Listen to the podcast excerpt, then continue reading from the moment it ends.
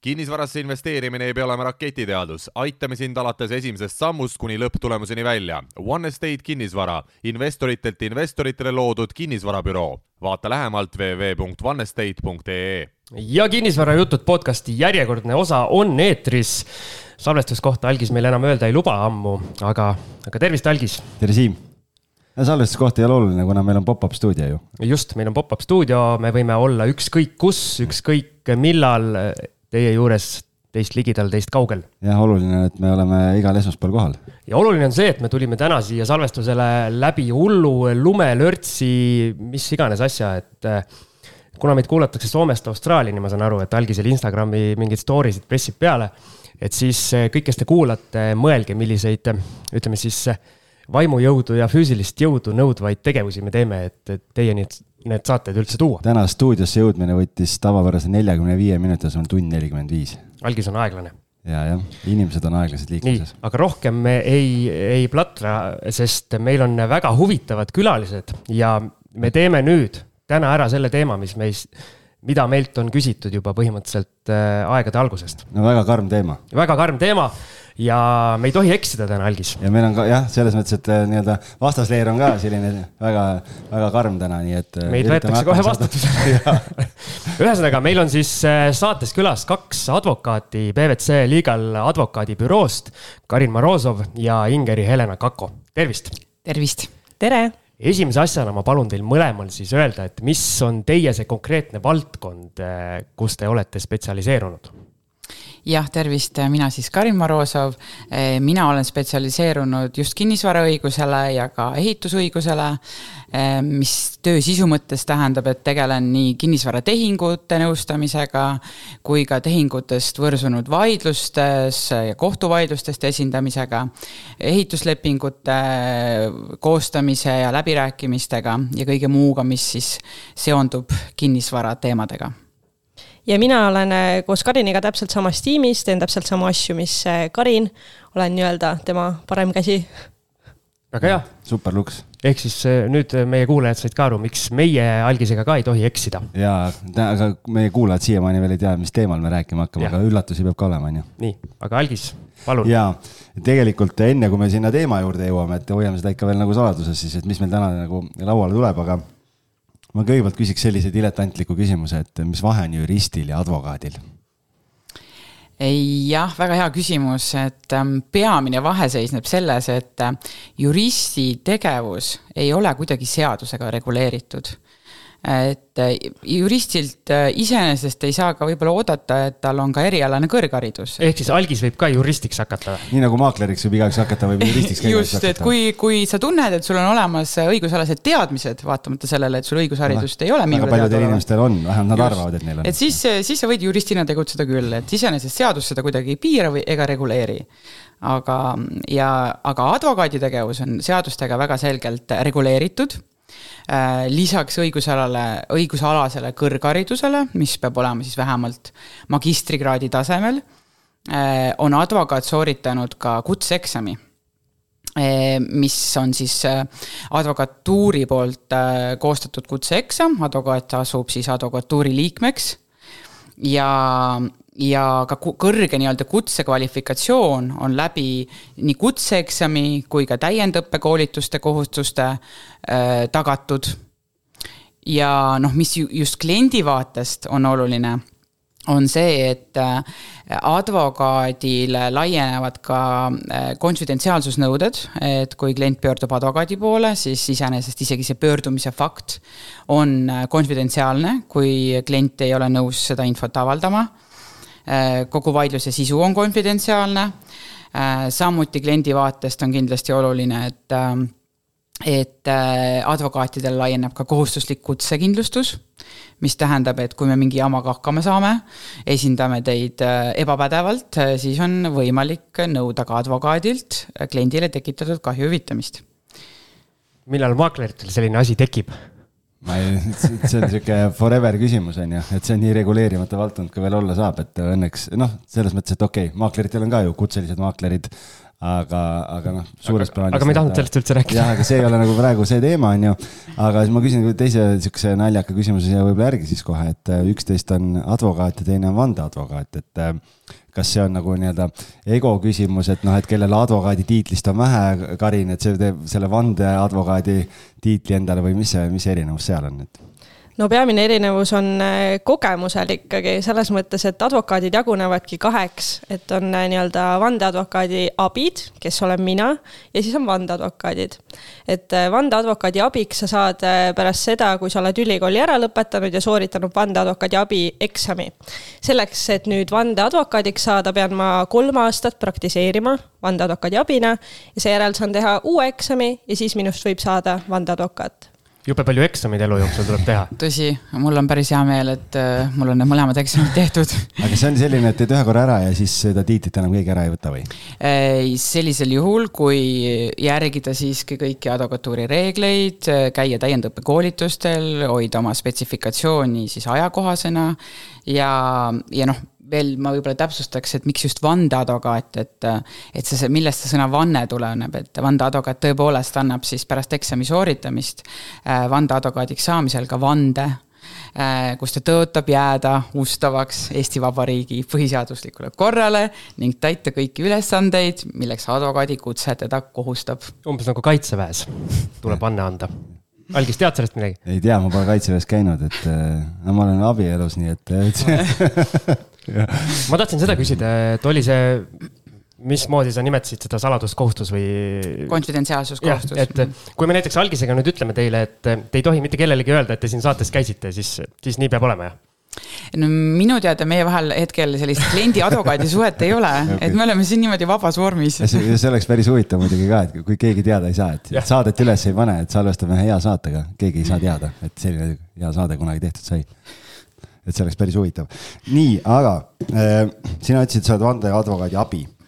ehk et sa oled Karini tiimis, et äh, üks küsimus tegelikult, mis ma tahtsin küsida, ongi see, et äh, et noh, notaritel on oma, oma tiimid on ju ka samamoodi, et jurist valmistab tehingu ette ja siis notar tuleb, äh, vormistab selle ära, et kas teil käib siis põhimõtteliselt samamoodi et äh, teie teete seal tiimis siis nagu selle taustatöö ära ja, ja hoolitsete selle eest, et kõik oleks äh, tehtud ja Karin siis läheb kohtus ja särab ja, ja toob võidud koju või mismoodi see asi välja näeb? just, just, et Ingeri teeb selle raske töö ära ja mina võtan kogu au. super Õnneks siiski päris nii ei ole, et äh, kõiki, kõikides suuremates büroodes on ikkagi tiimid, et meil on ka siis eraldi kinnisvaratiim ja tegelikult siis äh, mina siis aitan Karinil ette valmistada dokumente, lugeda, teha õiguslikku analüüsi ja me arutame alati kõik asjad koos läbi.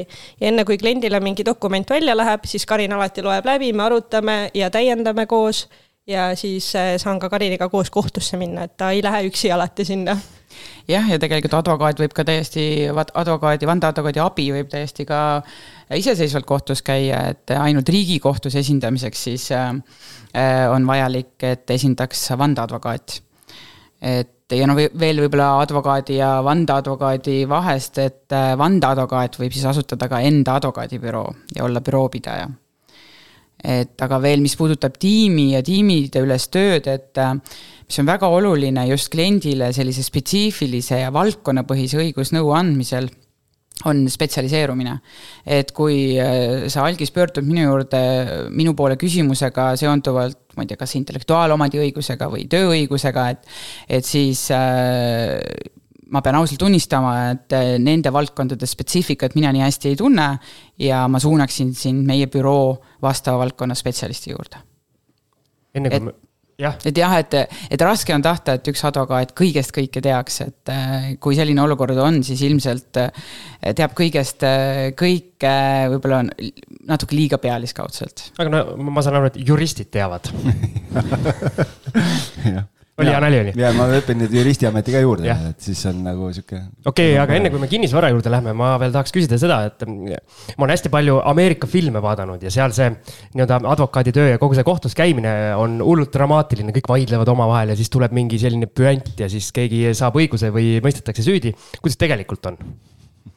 no tegelikult on nii, et vähemalt tsiviilvaidlustes, mis on siis sellised lepingute üle öö, toimuvad vaidlused, esitatakse ikkagi kirjalikud seisukohad kohtueelselt, et mingisuguseid väga suuri üllatusi enam kohtuistungul isegi ei tohiks tulla, kõik tõendid, kõik dokumendid, vastuväited. ette harjutatud teatrietendust koha peal ei, ei tule ma arvan, et selline ettevalmistatud kohtukõne, kus äh, ka emotsionaalselt kohtule oma kliendi loo narratiivi äh, esitada, see ei pruugi üldse olla halb äh, viis kohtuvaidluseks ette valmistada.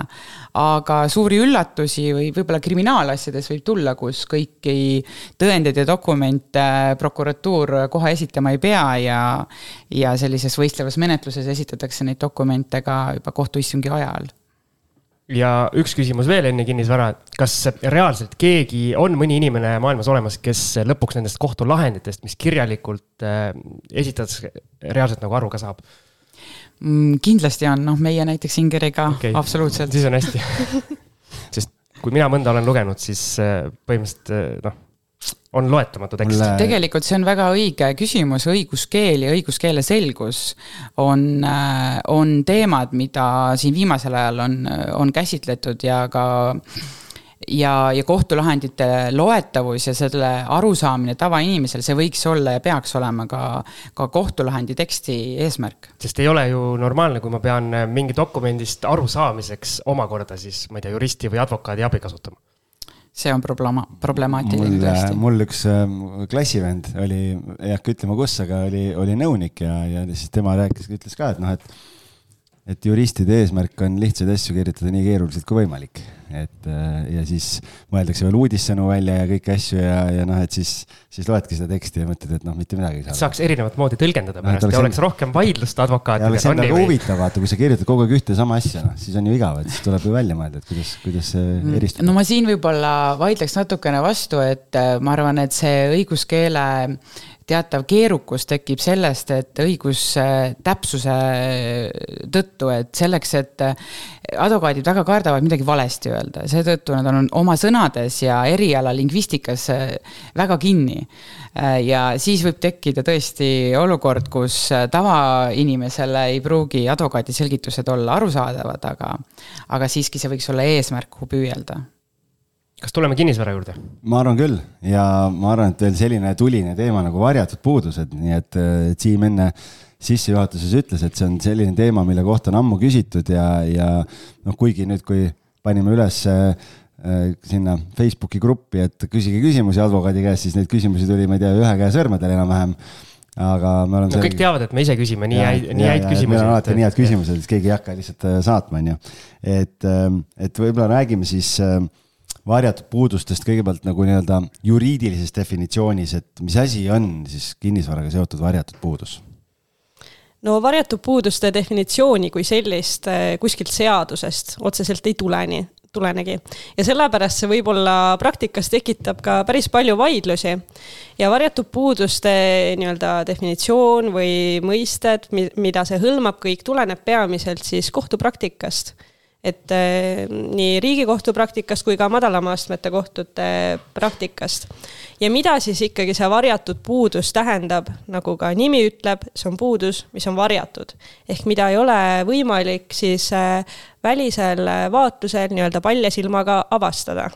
et niimoodi on seda kohtupraktikas siiani üldiselt sõnastatud jah, ja kui me küsime, kelle eest see siis varjatud peab olema, et kas müüja eest või ostja eest või üldsuse eest, et siis kohtupraktika tõesti on sisustanud seda mõistet, et tegemist peab olema ostja ees varjatud puudusega, et kui ostja on kinnisvaraobjekti üle vaadanud äh, ja ta nii-öelda välisel vaatlusel mingisuguseid puudusi ei avastanud seejuures on oluline, et ostja ei pea tegema mingisuguseid eripingutusi nende puuduste tuvastamiseks.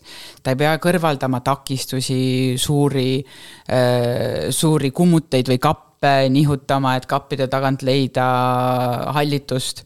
et ei pea kraanikausi alla vaatama ega ka, ka, ka kaasama erialaspetsialiste.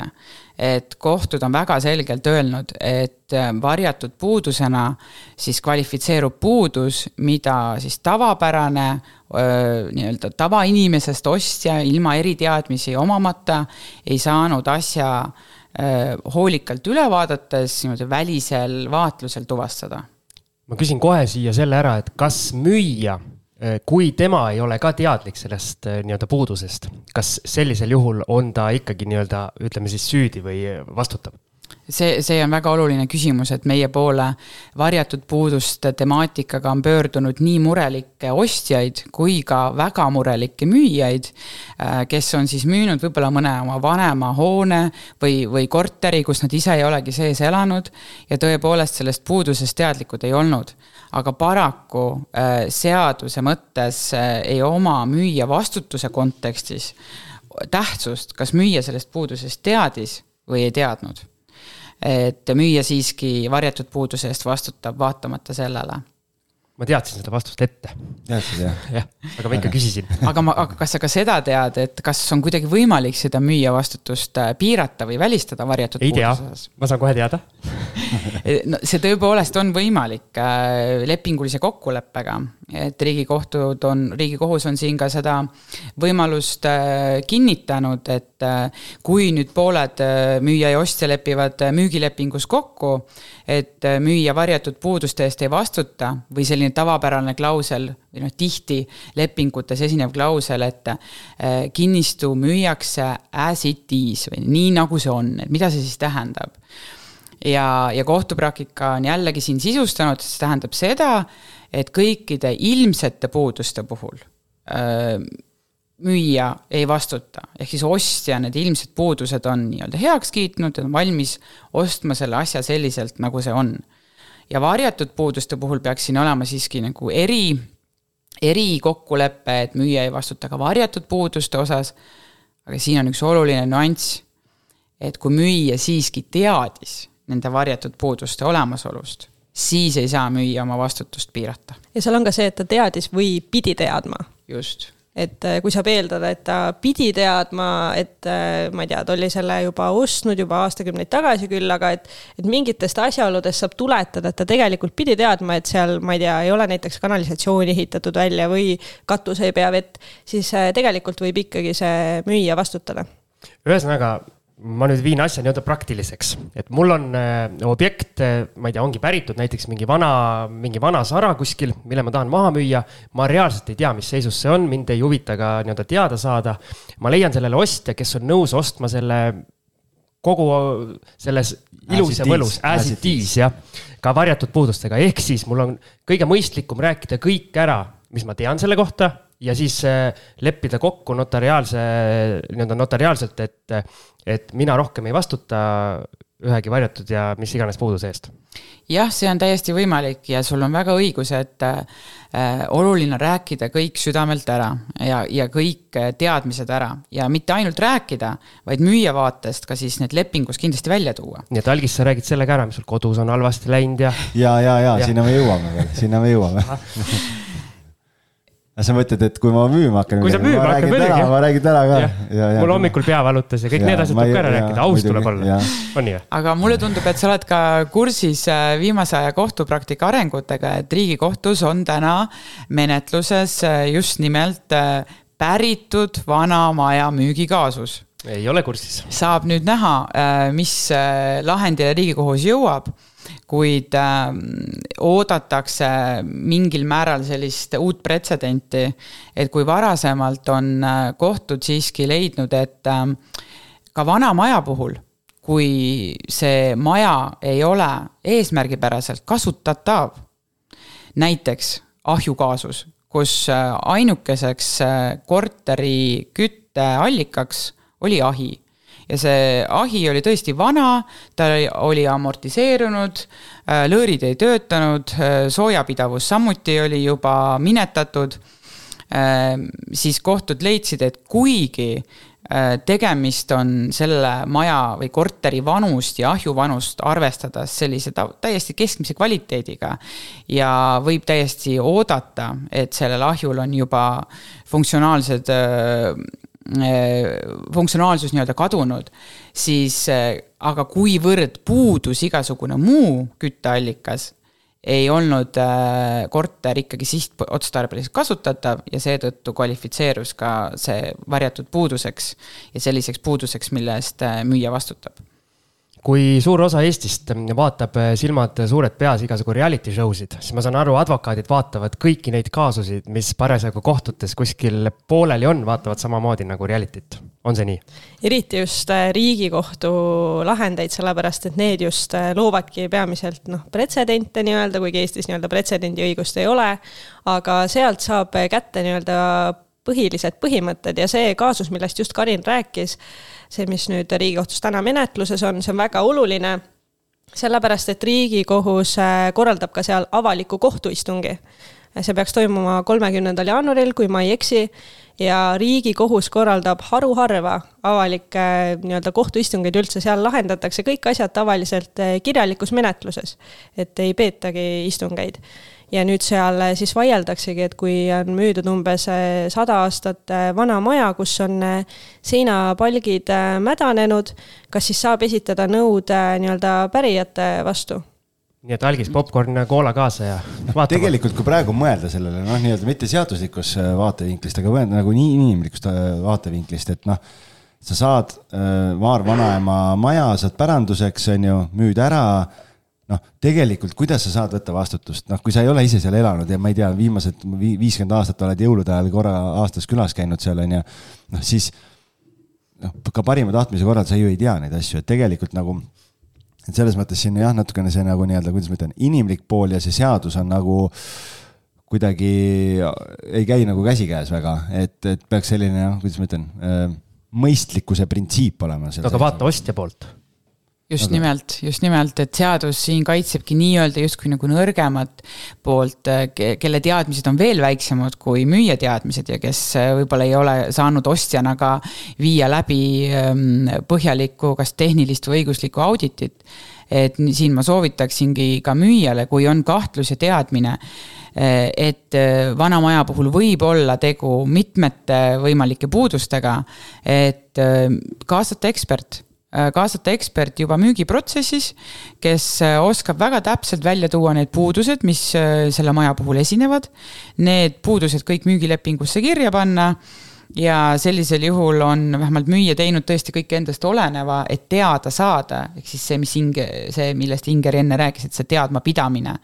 et kui, kui ka ekspert ei ole välja toonud äh, äh, puudust, mis siis võib-olla ostja hiljem avastab, no siis ei saa kindlasti öelda, et äh, müüja oleks pidanud sellest puudusest ise teadma nojah, selles meil on ju ehituskaitsebüroo ka käinud kaks korda saates, kes tegelikult noh, nemad ütlevad ka seda, et, et mõistlik on käia äh, ka mitte ainult vana, vanemate korterite puhul, vaid ka uusarenduste puhul äh, ikkagi enne ostu võtta see teenus.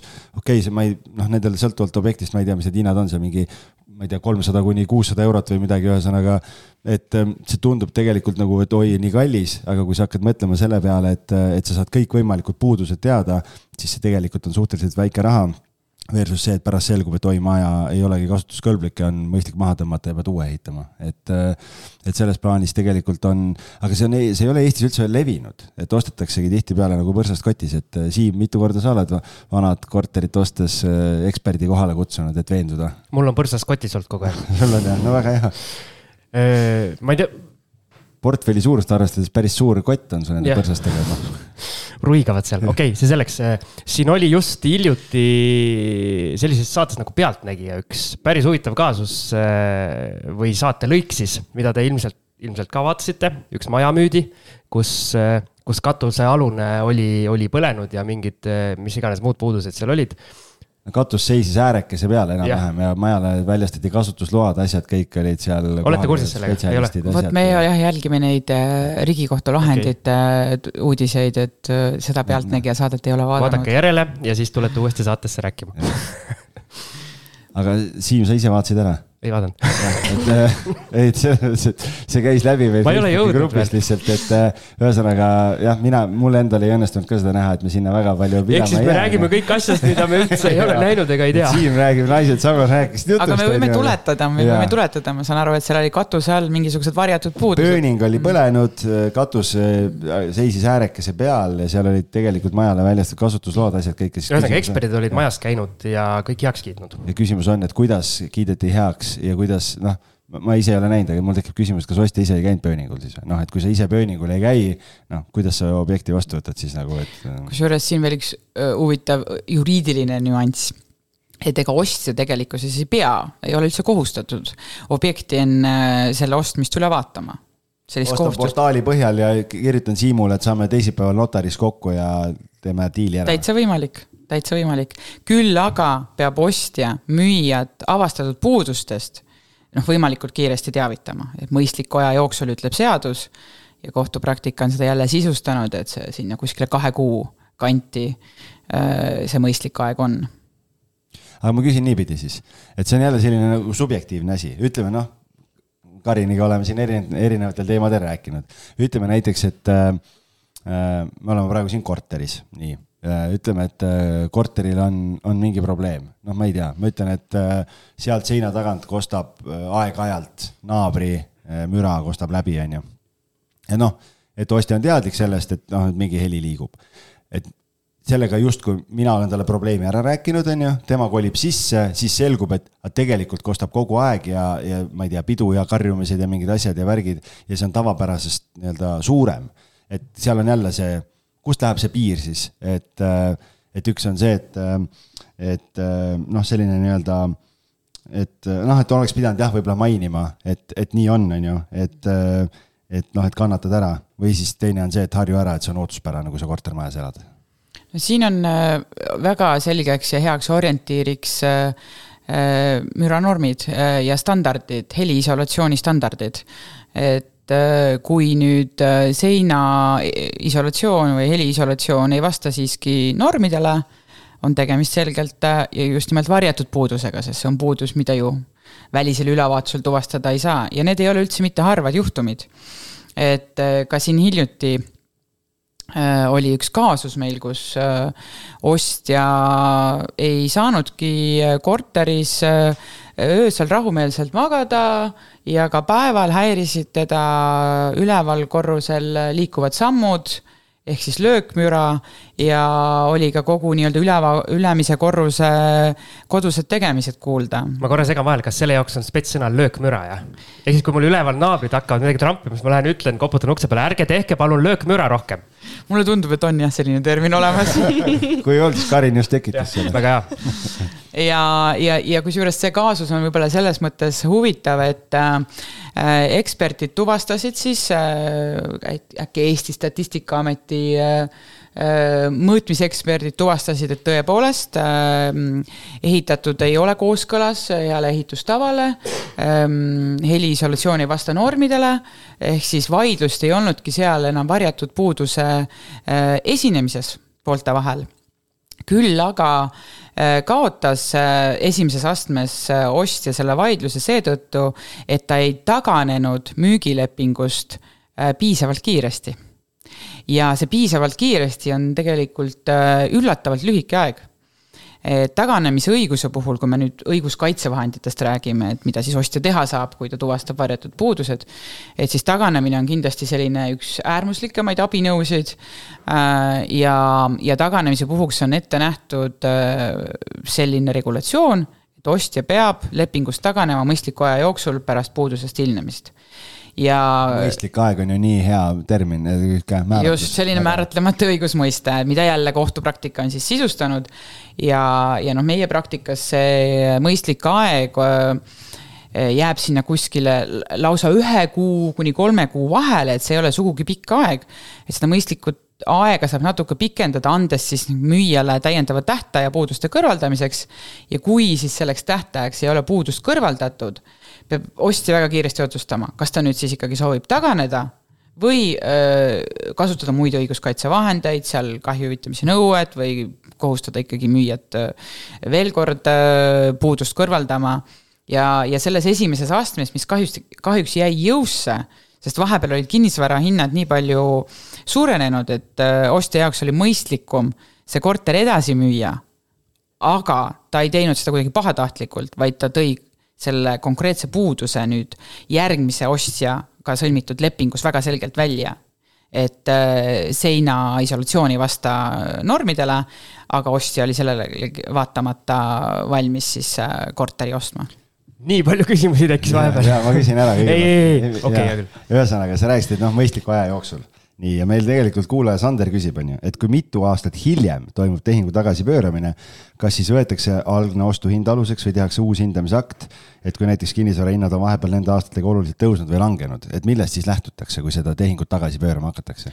Lähtutakse ikkagi sellest konkreetsest ehitushinnast, et eh, tagasitäitmine toimub selliselt, et ostja peab saama tagasi oma tasutud ostuhinna ja müüja peab tagasi saama oma eh, üle antud korteri. ehk siis siin on kindlasti see mõttekoht, kas taganemine on üldse ostja vaates see kõige eh, parem õiguskaitsevahend, et kui vahepeal on hinnad langenud, siis pigem küll kui vahepeal on hinnad tõusnud, siis võib olla hoopis kasulikum äh, kas korter edasi müüa, kui see konkreetne puudus selle ostja jaoks on ülemäärane, aga võib-olla mõne teise inimese jaoks ei ole. aga kui ostja on juba hakanud mingeid muutusi tegema, näiteks remonti hakanud tegema, mis siis saab? Eh, sa mõtled justkui nüüd eh, taga, tagasi, tagasi pöörates. tagasi pööramise. oled kümme-viisteist tuhat sisse ladunud juba ja. korterisse, remont on pooleli ja siis avastad, et oi, et äh, ma ei tea, maja vamm on. sest no paljud asjad ju selguvadki siis, kui sa hakkad midagi tegema tõsi Võt,. No, võtad vana on... puumaja, võtad puhtaks, on ju, siis avastad, et oi, palgid on mädanenud või seesama, noh, maja vamm on, on ju, ja siis vaatad, et okei okay,, no mis ma teen, noh, et mis siis saab, noh nojah, tegelikkuses peaks andma siiski asja tagasi selles seisundis, nagu see oli üleandmise hetkel, aga välistada ei saa. kehva remondi lihtsalt jah, välistada ei saa ka seda, et, et et saab ka tagasi anda nii-öelda mingil määral muudetud asja, et ja seda hinnavahet või tehtud kulutusi on siis võimalik eraldi kahju hüvitamise nõudega müüjalt sisse nõuda. Aga kui palju siis eh, umbes protsentuaalselt lahenevad need olukorrad siis eh, nagu tagasipööramisega versus, et leitakse ikkagi mingi kokkulepe, kus siis eh, kumbki pool, pigem siis müüja ilmselt hüvitab midagi? no eesmärk on ikkagi alati jõuda kokkuleppele ja kindlasti kohtuväliselt, sest kohtuvaidlused on meil nii ajaliselt kui ka rahaliselt üsna pikad ja kulukad. et äh, pigem ikkagi alati jõuda kokkuleppele, et äh, vältida neid täiendavaid äh, kulusid ja seal räägitaksegi siis läbi, et äh, mis need kulud võisid olla, näiteks siis selle korteri noh, remont näiteks oli tehtud, nagu me just rääkisime.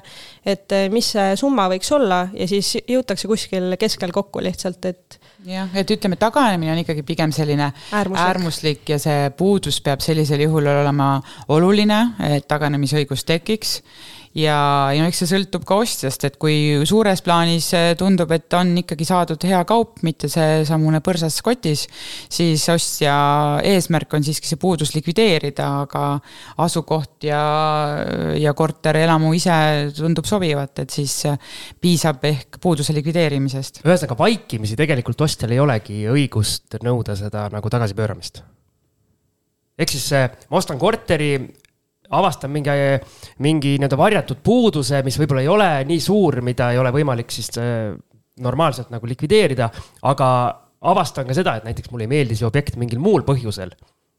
ja siis mõtlen, et. päike ikka ei paista nii palju sisse, kui ma arvasin, et nii või pime. on ikkagi liiga kaugel või mis iganes see peab olema ikkagi jah, objektiivne kriteerium, et noh. ma saan aru, aga ma ei tahagi seda nagu välja tuua, ma toon äh, selle väikse varjatud puuduse välja ja siis nõuan, et äh, teeme tehingu tagasi noh, see ei, see ei pruugi ka välistatud olla, et kui see puudus on tõesti selline, mida müüja eh, keeldub likvideerimast. aga oletame, müüja on nõus selle ära likvideerima?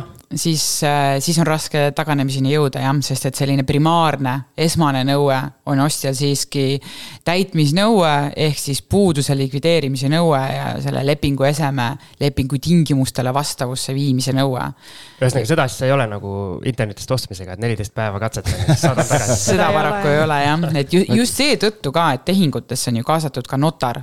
ja kuna need kinnisvaratehingud on ikkagi kulukad ja, ja keskmisest keerulisemad, äh, siis äh, noh, Eesti õigus just sellist notari sekkumist äh, peab vajalikuks, et noh, notaril on teatavad ka selgituskohustused, et kui, kui ka notarisse ostutehingut tegema minna, et siis ma ka soovitan kindlasti notaril tõepoolest paluda selgitada erinevate punktide tähendust, tavaliselt seal notarilepingute tagapool tulevad ka notarite selgitused, et tihti nad neid äh, selliste kogenud äh, lepinguosaliste puhul ette ei loegi, et noh, kui me siin ostame oma klientidele äh, erinevatesse portfellidesse kortereid, et ja notar vaatab, et tuntud näod siin pooli esindavad advokaadid, et ega siis notar iga lepingupunkti või sõna läbi ei loe või ei selgita, et mõnikord me läheme lihtsalt allkirju tehingusse panema. Te olete ju seitse korda läbi lugenud need enne nagunii juba. seda niikuinii Fun fact on see, et ühes oksjoniportaalis, kus müüakse siis äh, nii-öelda kinnisvara, seal on täitsa nii-öelda kirjas äh, vist vaikimisi, äh, et ähm, tagastusõigus neljateistpäevane ja ostja siis maksab need nii-öelda tagastuskulud või selle saatmiskulu tagasi. ma alati mõtlen, kuidas see nagu korteri ostu puhul võimalik on. aga ju siis kuidagi on. ei tea jah. aga ma tahtsin veel tegelikult küsida ühe sellise, sellise olukorra teie silme ette manades, et oletame müüja ja ostja Äh, lõpetavad siis äh, nii-öelda oma tehingud või on lõpetamas, äh, nii-öelda kokku leppimas. ja mina näiteks müüjana räägin ostjale kõik asjad ära, et näed, et seal on see asi, seal on see asi, see on varjatud või noh, nii-öelda puuduseks. tol hetkel ta vist ei ole siis veel varjatud, kui ma sellest räägin. ja ostja ütleb, okei okay,, väga hea, sain kõik info on käes, nii, teeme tehingu ära, notarilepingusse need asjad kirja ei lähe. ja pärast tullakse nende asjadega minuga nii-öelda protsessima. on sõna-sõna vastu olukord, et mina ütlen, et ma rääkisin talle, ostja ütleb, et ma ei ole midagi kuulnud. kui notarilepingus ei ole, kas põhimõtteliselt neid asju siis ei ole justkui räägitud? see on nüüd jah, keeruline olukord ja problemaatiline kindlasti, et iseenesest äh, selline lepingueelsete läbirääkimiste käigus, mida siis kahtlemata on äh, ostja ja müüja kohtumisel räägitu objektil kokku saades võib olla ja muutuda ka lepingu tingimuseks, isegi siis, kui seda notarilepingus spetsiifiliselt välja toodud ei ole. aga kuidas seda nüüd tõendada, et nendest puudustest tõepoolest räägiti, no see on iseasi küsimus. kas on mõistlik äh, näiteks pärast seda vestlust minu poolt kui müüja poolt saata ostjale email, panna need kõik, kõik asjad sinna kirja et eh, see on eh, juba vettpidav asi või? jaa, absoluutselt, et tegelikult võib ka ostja ise saata meili pärast, et siin on need asjad, mis me rääkisime, kui ta tahab ise neid fikseerida. aga kui ostja ongi pahatahtlik? aga kui ta on pahatahtlik, siis ta ei saada seda meili jah, aga müüja võib ise muidugi saata, et, et see, mis me arutasime, et need puudused näitasin teile, et siis on see ikkagi fikseeritud ja tegelikult on ka kohtupraktikas toodud seda välja, et, et kõik, mis on müügipakkumises või kuskil kuulutuses kirjas, et see võib ka olla siis see nii-öelda kokku lepitud tingimuseks, millele peab see kinnisasi vastama no tegelikult on ju ka see, et kui sa teed notaritehingu ära ja pärast hakkad mõtlema, et pagan, et notarilepingusse ei saanud need asjad kirja, siis tegelikult valdust üle andes, kui sa vormistad üleandmise vastuvõtmise akti, siis sa saad ju tegelikult, seal on üks punkt on see, et ostja on tutvunud äh, sellega, tal ei ole pretensioone ja kõik vastab sellele nagu, mis on müügilepingus kokku lepitud.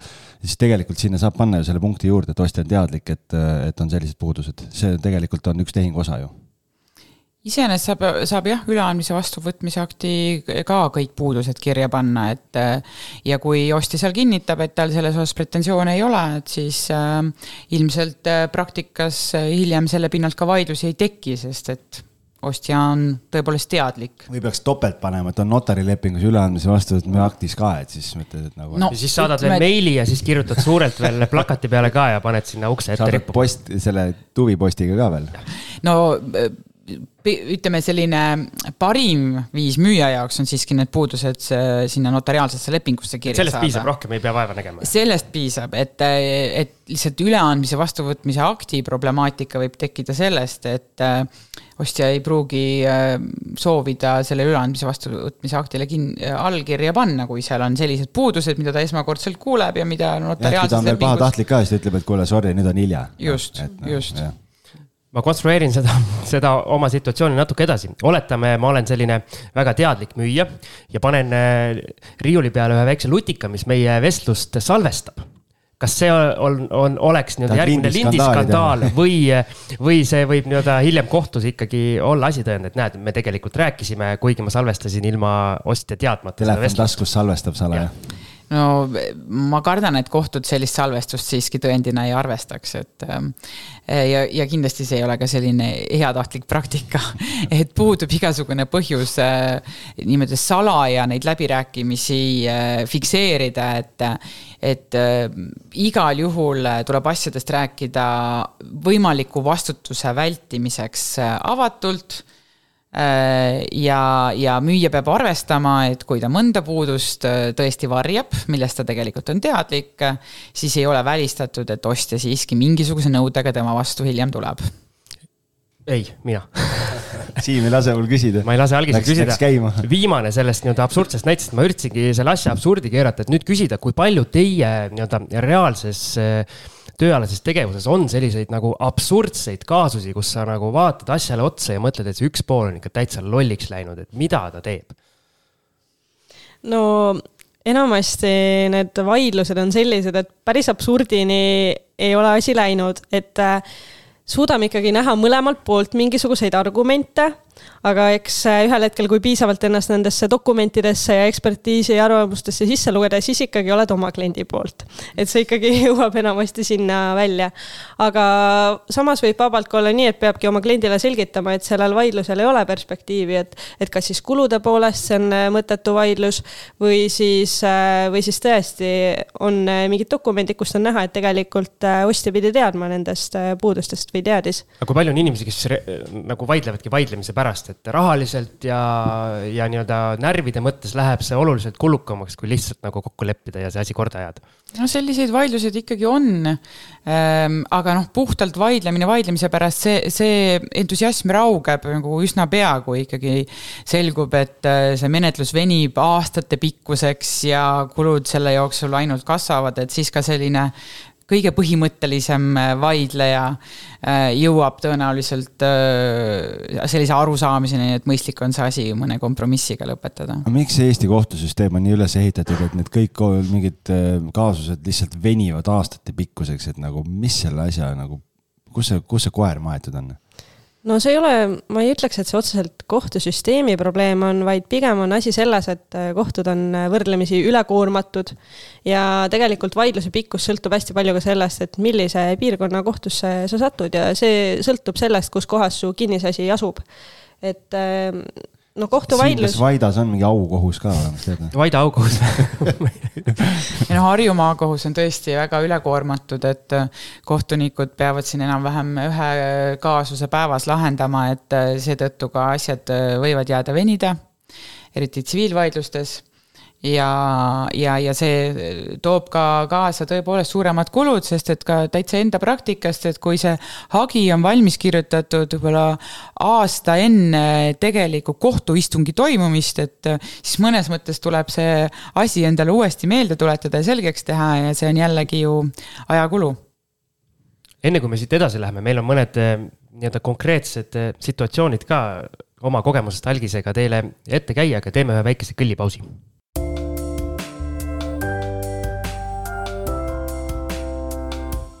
ja oleme kõllipausilt tagasi ja enne kui me läheme siis konkreetsete juhtumiste juurde, mille kohta tahame nii-öelda nõu ja abi ja kommentaare saada, siis ähm, mul on selline, selline küsimus, et ettevõte versus eraisik, et ma olen käinud või mul on olnud üks notar, kus ma ettevõttena ostsin korteri eraisiku käest üks vanem daam, kes hakkas, hakkas notaris nutma, aga see on hoopis teine jutt ta teadis, et nii palju puudusi on, et hakkas juba eos nutma ära. ma võin seda rääkida, see on natuke nagu seoses sellega. ühesõnaga oli selline olukord, kus äh, notar siis äh, käis kõik need punktid läbi, mis lepingus on ja rääkis ka seda varjatud puuduste asja ja siis rääkis sellele vanemale daamile, et kui nüüd on ikkagi varjatud puudused ja ostja siis tuleb ja pärast, et siis peab hakkama likvideerima ja selle peale vanem daam hakkas nutma, et tema ikkagi tahab sellest korterist lahti saada ja tema täpselt ikka ei tea ja.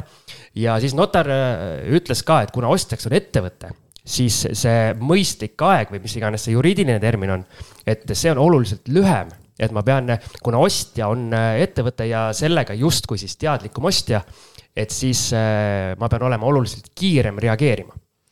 Ehm, jah, nii tõepoolest on, sellepärast et seadusest tulenevalt on siis majandus- ja kutsetegu-, tegevuses tegutseval isikul kohustus vaadata see ostetav asi viivitamata üle noh, muidugi see ei välista seda, et seal võib olla mingeid varjatud puudusi, mida sa kohe siis sellel ülevaatusel ei avasta, sest see ülevaatus ka siis selle nii-öelda juriidilise isiku puhul, isegi kui ta tegutseb, ütleme, kinnisvaraga seonduvalt, see ei tähenda seda, et ta peaks kaasama kohe siis eksperdid sinna ülevaatusele ja nendega koos selle kinnisvara üle vaatama.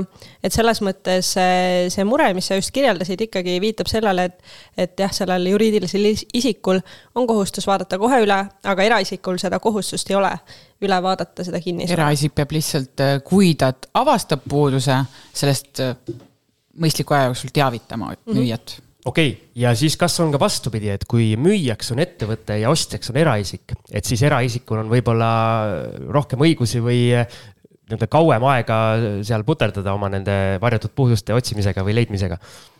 no seal on jah, nüüd selline erisus, et seadusest tulenevalt, kui müüjaks on juriidiline isik ja ostjaks eraisik, siis vastutusega seonduvalt on eh, nii, et kõik puudused, mis kahe aasta jooksul eh, avastatakse, alates selle kin-, hoonestatud kinnisasja puhul kehtib see ainult, et selle üleandmisest, siis eeldatakse, et eh, müüja vastutab nende eest ja vastupidist peabki tõendama müüja.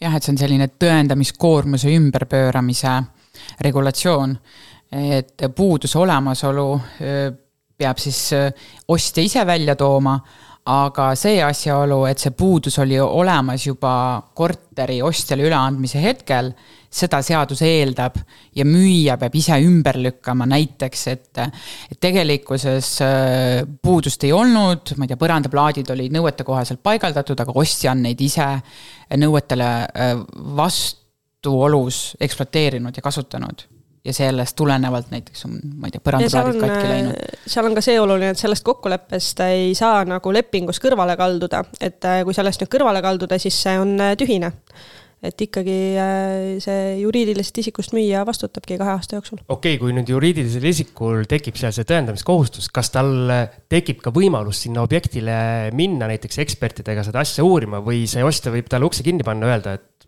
tõenda, kuidas tahad, aga ma sind sisse ei lase noh, ikkagi sellisest koostöökohus, koostööpõhimõttest tulenevalt peab äh, ostja lubama müüjat seda puudust üle vaadata, et noh, vastasel korral ei oleks ka müüjal võimalik ju seda puudust likvideerida mis, mis on nii-öelda ostja esmaseks nõudeks. ma üritan ikkagi sinna pahatahtlikkuse teele kuidagi juhtida seda asja. nojah, õigus on selles mõttes äh, ikkagi ka õiglane, et äh, kui me ühtegi normi ei leia, mis konkreetselt äh, sinu küsimusele vastaks, siis me alati pöördume selliste asjade nagu mõistlikkuse põhimõtte ja heausu põhimõtte juurde, koostöö põhimõte ja aga tuleme nüüd näiteks, äh, ma ei tea, keegi on otsustanud, et ta hakkab ettevõttena kinnisvara noh, ma ei tea, flip ima siis, ostab, renoveerib, müüb, olgu korterid või majad, vahet ei ole. Äh, praegu hea turuaeg sai läbi, on ju, et ta nüüd viimased paar aastat seda teinud, praegu vaatab, et ah, pole mõistlik aeg teha. et ootan mõned aastad, on ju. et, äh, et kui nüüd äh, meie, mõni meie kuulaja ostab mõne juriidilise isiku käest siis omale mingi korteri näiteks ja seal ilmnevad probleemid. Ähm, ja, ja ta tahab minna näiteks, tahab, ma ei tea, kas raha nõuda või kohtusse minna või mis iganes, kuidas see siis laheneb kust ta teab, kas noh, selles mõttes, et juriidilise isiku käest ostes on ju see risk, et seal ei tea seda, kas tal raha on reaalselt või ei ole ju. võib-olla ta on kõik välja võtnud ja, ja elab Hispaanias nüüd järgmised kaks aastat, ootab, kuni jälle saab tagasi tulla no juriidilise isiku puhul, noh ka eraisiku puhul tal ei pruugi ka vara olla, et eh, hüvitada siis neid kahjusid, aga juriidilise isiku puhul ikkagi on, eh, saab kontrollida mingil määral seda, mis vara tal on, ka enne ostu on seda mingil juhul mõistlik teha. et äh, äriregistrist ju on äh, kõik äh, dokumendid praegu ka tasuta juba kättesaadavad. tasub võib-olla korraks sinna majandusaasta aruandesse vaadata, et millised kohustused sellel ettevõttel on, kas tal üldse käivet on. ka tegelikult kinnisvara olemasolu saab kontrollida, kas tal on veel mingisuguseid noh, mingit kinnisvara kuskil, et seda noh, siis tal on vara olemas, kui see on näha aga kui ei ole, siis on tõesti riskantne, et äh, meil äh, tegelikult on ka niisuguseid olukordasid ette tulnud, kus äh, ongi, vaidleme kohtus ja vastaspoolel ei olegi mitte mingit vara, käivet ei ole, töötajaid ei ole, kinnisvara ei ole ja lihtsalt kulud aina kasvavad ja ei olegi kindel, kas meil üldse on kuskilt seda. algis raha oli, aga enam ei ole.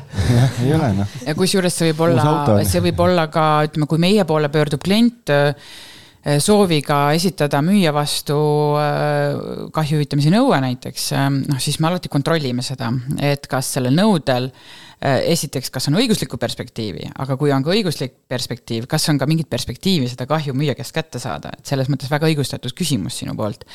et aga on ka olukordi, kus kus näiteks esitab hagi osapool, kellel endal puudub vara ja, ja, ja see võib-olla see hagi on täiesti perspektiivitu.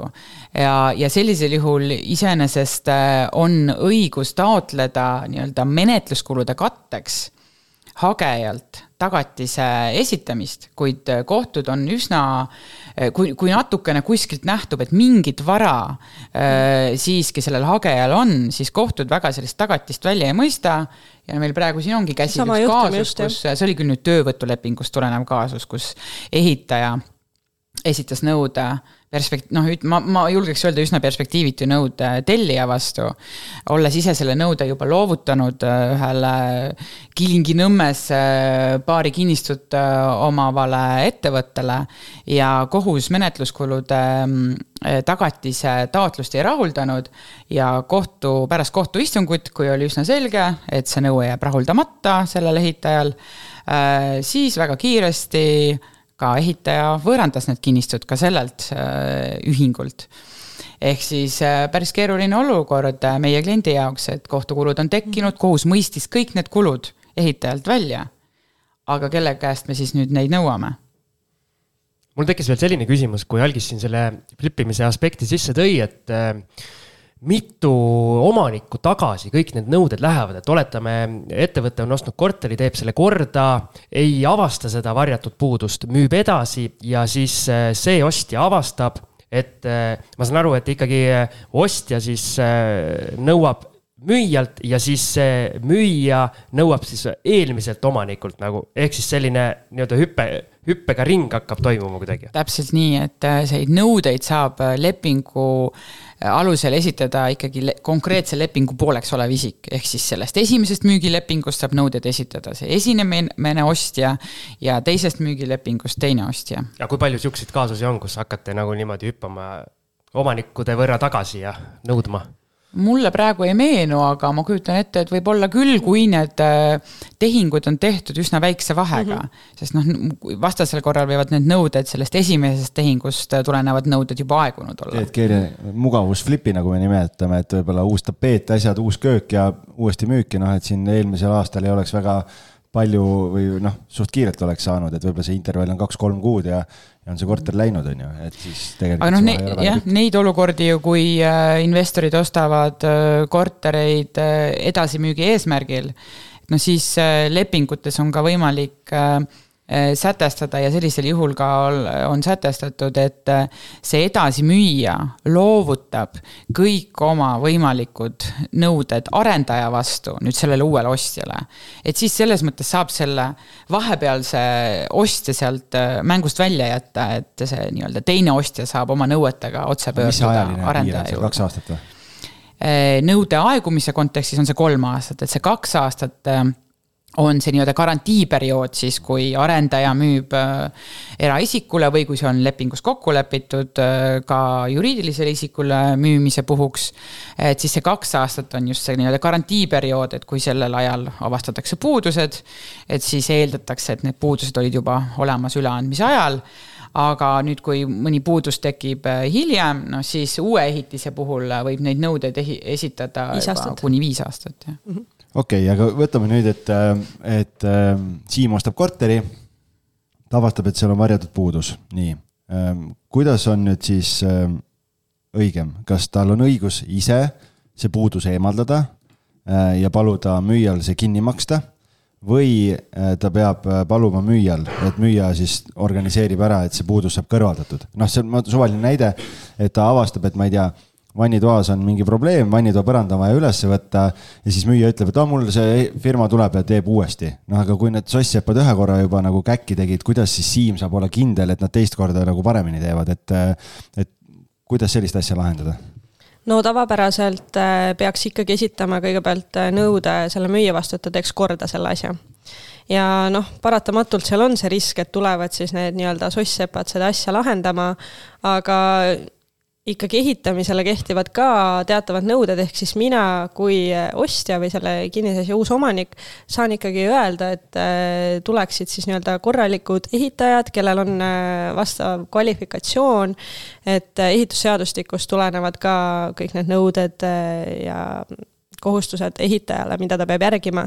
et kui sellel e-, ehitajal, sellel soss-sepal ei ole kvalifikatsiooni, siis tegelikult ma ei pea laskma tal seda korda teha ja ma saan öelda müüjale, et äh, ma ei ole nõus, et sa saadad need ehitajad, et kellel ei ole kvalifikatsiooni ja ikkagi lasta ise see korda teha ja nõuda seda hüvitamist müüjalt, aga sellisel juhul äh, tasuks ikkagi kõigepealt võtta hinnapakkumised, saata need sellele müüjale tutvumiseks ja öelda, et nii, siin on valik, et kas sa saadad ise korralikud ehitajad või siis ma tellin ise sellise hinnaga ja nõuan selle sinult hiljem sisse. aga kui, noh, seal on konflikti koht on ju sisse kirjutatud, noh, ehitaja ütleb, et ei, tulevad needsamad tüübid, on ju, ma olen ise kõrval, ma vaatan üle, et kõik saab korralikult tehtud, on ju. Siim ütleb ei. Tiit ja Teet tulevad. Siim ütleb, et ma ei ole nõus, et äh, mina tahan, et üks nendest firmadest teeks, kellelt ma pakkumise võtsin äh,, laseb ära teha ja siis müüja ütleb, et sorry, aga ma ei maksa. sellepärast, et ma, et äh, see on liiga kallis nojah, selleks, et see liiga kallis ei oleks, äh, ongi äh, soovitatav äh, võtta paar erinevat pakkumist ja valida sealt siis võimalikult soodne või, või, või, või vähemalt nagu veenduda selles, et see on turuhind. kui onu Fedial on oma ehitusfirma ja Saša ja kõik käivad tegemas kogu aeg nelja tuhandega, aga sa võtad mulle seitsme tonniga pakkumise, noh, siis seal on nii suur vahe sees, on ju ma arvan, et sellised, kui, kui võtta ikkagi kvalifitseeritud ehitajatelt näiteks kolm pakkumist, noh siis võiks olla juba piisav tõend, et tegemist on turuhinnaga, et need kulud ei ole ülepaisutatud ja noh, ostja võib siiski sellisel juhul valida kes need tööd äh, teostab. kindlasti, kindlasti ei tohi need kulud olla ülepaisutatud ega ebamõistlikud, aga kui nüüd kolm hinnapakkumist enam-vähem samasse nii-öelda auku kukuvad, et siis äh, ilmselt ei ole väga keeruline väita, et tegemist turuhinnaga on. kas Vedjal on nüüd alust algist kohtusse kaevata? no me vist ole. Saša kindlasti soovitab seda okei okay,, see oli nali Äh, minul on üks reaalne, reaalne juhtum olnud. Äh, ma usun, et see oli varjatud puudus, aga kohe saame teada. Äh, ma ei läinud sellega protsessi, ma tegin ise korda. oli selline, ostsin, ostsin Kehra korteri, kus oli ilus Muhamed Ali ehk ühe poksija poster seina peal. kõik tundus jumala okei okay ja siis, kui ma selle posteri ära võtsin, siis seal taga olid kipsi sees, eh, no rusikaga löödud eh, kaks suurt auku. Muhamed Ali oli külas käinud. just, Muhamed oli käinud ja pärast postriga kinni, kinni katnud need augud. see on varjatud puudus, on. või ma oleks pidanud ostu äh, enne ostu selle postri sealt eemaldama ja vaatama, kas need on, on sein terve või mitte no mina arvan, et see tõepoolest varjatud puuduseks kvalifitseeruks, et äh, iseenesest äh, seda enam, et tundub, et see poster oli just täpselt sellel eesmärgil sinna ette pandud. ma arvan ka. et äh, kuigi äh, üllataval kombel on olemas üks äh, ringkonnakohtu lahend äh,, mis äh,, kus kohus leidis, et vaipkatte all olnud äh, nii-öelda augud põranda sees. või hallitus isegi vist. isegi hallitus jah, et, et, et tegemist ei. peaks vaiba ära liigutama, et siis oleks näinud jah, aga mina, aga ütleme, see on väga vaieldav, et, äh, et nii nagu ikkagi on äh, on mitmes kohtulahendis ja Riigikohtu praktikas välja toodud, et tõepoolest äh, ostja ei pea spetsiifiliselt neid puudusi otsima, et ostja, ostja võib eeldada, et talle müüakse ilma puudusteta no, asi. me ju rääkisime sellest, et sa võid ju osta ka nii, et sa ei lähegi kohale ja nagu. täpselt nii, aga kui sa juba kohal käisid, eks ole, noh siis äh, kui nendes notariaalsetes lepingutes on ka punktid tihti, kus äh, ostja kinnitab, et ta on selle lepingu eseme üle vaadanud, teadlik nende, nendest puudustest, et ja siis, kui ostja tõepoolest on lepingu asjad vaadanud, et siis kõik ilmsed puudused tõesti loetakse, et ostja pidi nendest teadlik olema, aga noh, see posteri taga olev auk no,. kaks ma... auku, ma toonitan. kaks auku jah, mulle tundub küll, et. oleks üks olnud on..., siis oleks vaieldav, aga noh. aga kas sa müüjaga see nende, selle puuduse teemal üldse suhtlesid kuidagi? ei Aha, no siis on raske jah. Hea inimene, et ta ei tahtnud tülitama hakata. seal oli vaja nagunii neid asju korda teha seal, seal oli, see ei olnud selline objekt, mis oli kohe elatav, ehk siis mm -hmm ja no meil on, meil on ka selliseid olukordi, kus äh, mõni suurem äh, kinnisvara kinnisvara nii-öelda rendikinnisvara teenuseid pakkuv ettevõte ostab, ostabki selliseid äh, amortiseerunud äh,, kulunud kortereid, et äh, siis tihti müüjad ka lepingus selle välja toovad, et tegemist on remonti vajava äh, vana korteriga ja et ostjal puuduvad, puudub õigus esitada mis tahes pretensioone eh, tulenevalt sellest, et ostja planeerib niikuinii teha sellise kapitaalse remondi, et siis selline auk seinas ei ole selle konkreetse ostja jaoks mingisugune probleem ja seal antud juhul lihtsalt müüja oli üsna, üsna teadmatu üldse, kuidas need asjad käivad, ehk siis notar asus teema poolele ja hakkas seal isegi ütlema, et see hind võib-olla ei ole selline ja siis. olete ikka kindel, et selle hinnaga tahate müüa? müüja saatis notari põhimõtteliselt pikalt, ütles, et kuule, teeme tehingu ära, et mul on raha vaja. kusjuures mul on olnud ka olukordi niimoodi, et lähed notarisse, onju ja siis notar nüüd otsustab, et ta võtab siukse tähtsa, noh nagu mitte, et nad muidu tähtsas rollis ei oleks, aga noh, sellise kandva rolli seal ja siis kolm korda umbes küsib üle müüja käest. kas sa ikka tahad sellise hinnaga müüa? või, või ostja, ostja käest umbes küsib, et olete ikka kindel, et te selle, seda korterit tahate nagu osta, et olete tutvunud ja noh, kõik see ja nii ja naa ja et noh, et, et nagu ikka sada noh ja, ja kolm korda ja ma vaatan niimoodi, et müüjaga vaatame üksteisele otsa, mõtleme, et no joh, ei tea, et kas nüüd räägib nagu kliendi tehingust välja või ei räägi, et noh, et nagu tehing nagu iga teine, aga notar järsku arvab, et just see korter on nüüd see, et nagu äkki ei peaks ostma seda nagu. et noh, siukest. no notaritele selline selgitamiskohustus on, et võib-olla äh, tavapäraselt just selliste äh, juriidiliste isikute ja füüsiliste isikute vahelistes tehingutes, eriti kui selleks äh, ostjaks on see füüsiline isik, et siis äh, äh notar tõesti soovib veenduda, et ostja siiski on teadlik äh, sellest, mida ta teeb, mis tehingu ta sõlmib kinnisvara hinnad on äh, üldjuhul tavapäraste vallasasjade müügitehingutega võrreldes päris suured. Aga jah, notari positsioon peaks siiski olema neutraalne, et ta küll selgitab asjaolusid, aga objektiivseid asjaolusid, et kindlasti sellist subjektiivset oma arvamust äh, pigem ei tohiks seal olla, jah. Siin meil on erinevaid kuulaja küsimusi, millest me osad vist tegelikult oleme juba jutu sees ära katnud, aga siin, siin Gretel küsis äh, naabrite kohta ja müra kohta, millest me natukene rääkisime, aga minu, minu äh, küsimus on selline, et oletame, on selline olukord, kus äh, naabrid on samad või nii-öelda uusi naabreid ei tule, aga naabrid muutuvad ühel hetkel nii-öelda lärmakaks ehk siis mina müün ära, minul ei olnud naabritega mingeid probleeme, nad olid vaiksed ja rahulikud. aga siis eh, võib-olla müüsin korteri ära ja nädala pärast kukkusid nad eh, hullult jooma ja hakkasid lärmama. ja mis siis saab, kas mina vastutan selle eest? siin väga oluline teada, et ähm, kinnisasi või korter, mis müüakse, loetakse puudusega eh, korteriks siis, kui see puudus oli olemas selle korteri üleandmise hetkel. aga puudus justkui ole, oli olemas, naabrid olid samad. aga nad käitusid teistmoodi. Nad veel ei pidutsenud ma ütleks, et. aga see on jälle sõna sõna vastu siin võib öelda, et ei mitte ja. kunagi nagu, nagu kõige väiksem maja üldse. või näiteks laps sünnib täpselt nädal pärast, pärast äh, seda tehingut ja läheb hulluks lärmiks ja jah, et rasedus oli juba ju enne tehingut olemas. jah, sa ei peagi ju naabrit tutvustamas, et näete, siin on naabri, naabrinaine on rase muide ja et te teaksite, enne kui me notarisse läheme. me ilmselt lähme üsna absurdi nende asjadega, aga minule tundub, et need asjad kõik ongi vaieldavad ju. Ehm, noh jah, selles mõttes, et absurd, kui, kui meil on tunne, et me läheme absurdi, siis me tõenäoliselt lähemegi absurdi ja siis kohtus ka väga kaugele ei jõua, et. et lärmakad naabrid on iseenesest äh, ka kohtupraktika poolt, kohtupraktika poolt tunnistatud täiesti reaalseks äh, nii-öelda varjatud puuduseks et kuidas seda siis, seda sõna-sõna vastu olukorda muuta, et äh, ilmselt seal äh, korteriühistus elab veel teisi isikuid, kes võivad kas siis kinnitada, et jah, need naabrid on kogu aeg olnud lärmakad. saavad kohtus tunnistama. saavad kohtus tunnistada, eks ole, et selline olukord on siin varem esinenud, et äh, tädi Virve paneb endale kõige ilusama õhtukleidi selga ja läheb kohtusse täpselt nii vabandust, ma katkestasin oma lolli kommentaari ma tahtsin midagi küsida, aga isegi minul kadus mõte ära selle. ma küsin ise, kas külmkorter on varjatud puudus? sõltub, miks ta külm on, et äh, iseenesest äh, korter, mida müüakse, peab tõepoolest vastama elementaarsetele kasutustingimustele ja, ja selleks on äh, kindlasti korteri soojapidavus, äh, veekanalisatsiooni valmidus, küttevõimekus. ja kohtud on öelnud ka seda, et äh, mitte ainult korteri soojaks kütmise võimalus ei äh, tähenda, et tegemist on eesmärgipäraselt kasutatava korteriga, vaid äh, see soojaks kütmine peab toimuma ka mõistlike kuludega. et kui nüüd soojakadu on nii suur, et äh, iseenesest on võimalik hoida korterit, termostaat äh, põhja keerata ja hoida seda korterit soojas.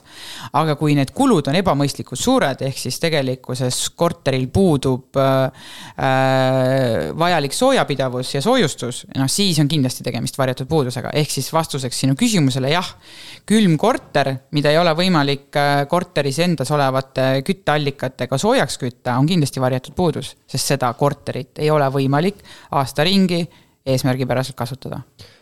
Kui äh, varjatud puudus tuleb välja ainult üliekstreemses olukorras, näiteks äh, miinus kakskümmend õues ja siis külmub mingi äh, vee, vee, veeasi ära või mis iganes, muidu on kõik okei okay,, mingeid probleeme ei ole, aga a la miinus kakskümmend ja sealt edasi, siis, siis see asi tuleb välja ma ütleks, et miinus kakskümmend võib-olla Eesti kliimas üliekstreemne isegi ei ole.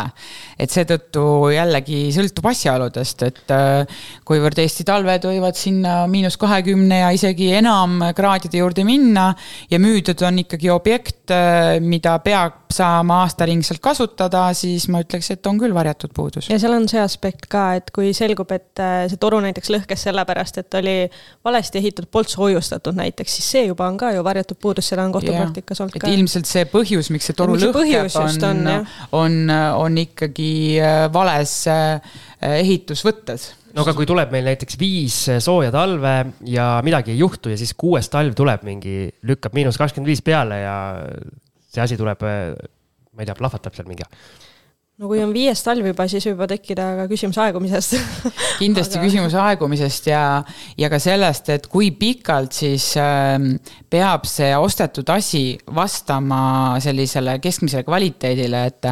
et äh, juhul, kui äh, noh, ega see aegumine on ka põhjusega, eks ole, et kui tõesti see kolme või viie aasta jooksul juhtub, äh, et ilmneb see võimalik ehitusviga et või hoopis ehitusmaterjalid hakkavad järgi andma, et äh, on juba varasemalt ehitatud, ei ole müüdud uut ehitist.